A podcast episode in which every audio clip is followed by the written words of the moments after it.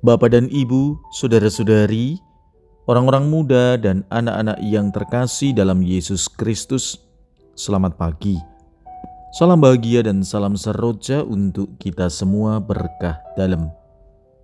Bersama dengan saya Romo Antonius Garbito Pambuaci menyampaikan salam dan berkat Allah yang Maha Kuasa dalam nama Bapa dan Putra dan Roh Kudus. Amin.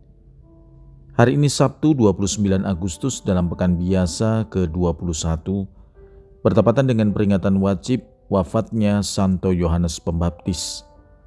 Bacaan pertama dalam liturgi hari ini diambil dari kitab Yeremia bab 1 ayat 17 sampai dengan 19.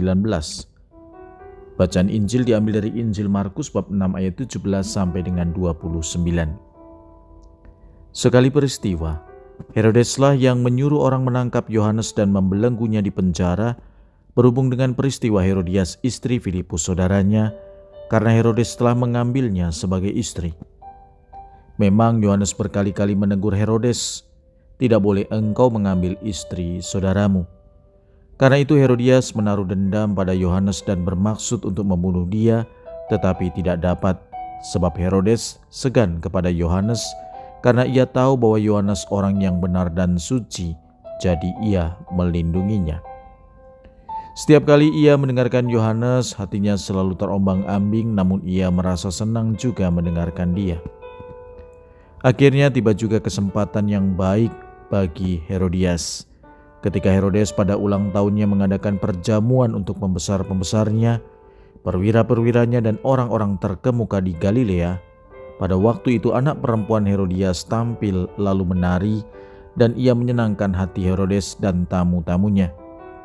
Raja berkata kepada gadis itu, Mintalah apa saja yang kau ingini, maka akan kuberikan kepadamu. Lalu bersumpah kepadanya, apa saja yang kau minta akan kuberikan kepadamu, sekalipun setengah dari kerajaanku. Anak itu pergi dan menanyakan ibunya apa yang harus kuminta. Jawabnya, kepala Yohanes Pembaptis. Lalu ia cepat-cepat masuk, menghadap raja dan meminta, Aku mau supaya sekarang juga engkau berikan kepadaku kepala Yohanes Pembaptis di atas piring.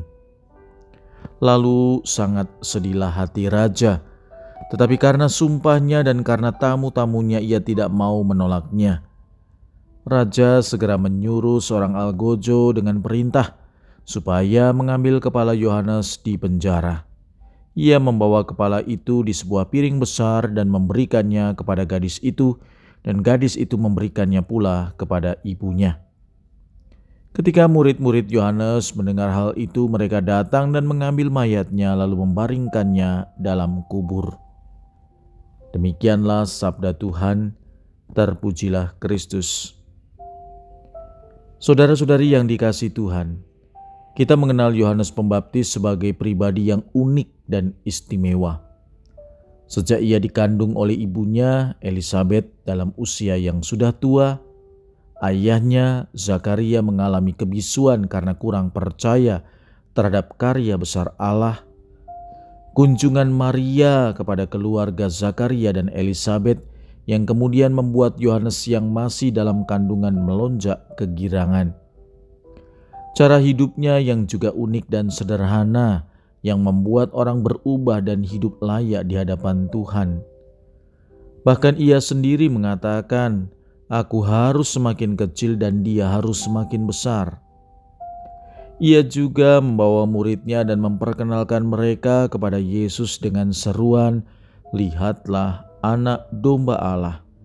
Dan para muridnya pun meninggalkannya dan mengikuti Yesus. Pokoknya, sesuai misinya, segala sesuatu yang dia lakukan selalu berpusat pada Yesus. Itu sebabnya Yesus mengatakan bahwa Yohanes adalah pribadi terbesar yang lahir dari rahim seorang wanita. Saudara-saudari, itulah sederet keunikan dari pribadi Yohanes Pembaptis. Lebih daripada itu, ketika kita hari ini merayakan peringatan wafatnya, ia adalah pribadi yang bukan hanya mempersiapkan jalan bagi Tuhan Yesus, tetapi ia juga menjadi pribadi yang menegakkan kebenaran.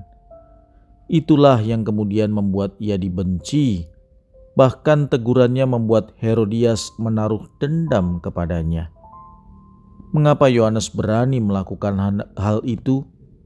Karena ia melaksanakan panggilan dan perutusannya sebagai pembuka jalan bagi Sang Mesias.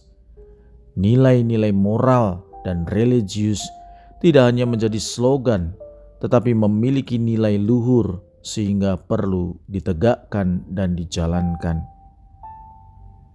Dia adalah pribadi yang jujur dan berani menegakkan kebenaran sejati. Ini adalah tantangan bagi kita, para pengikut Kristus. Marilah kita berdoa. Ya Tuhan, semoga suara hati kami kembali jernih dan spirit Yohanes bertumbuh kembali di dalam hati setiap pribadi pengikut Kristus. Berkat Allah yang Maha Kuasa, dalam nama Bapa dan Putra dan Roh Kudus. Amin.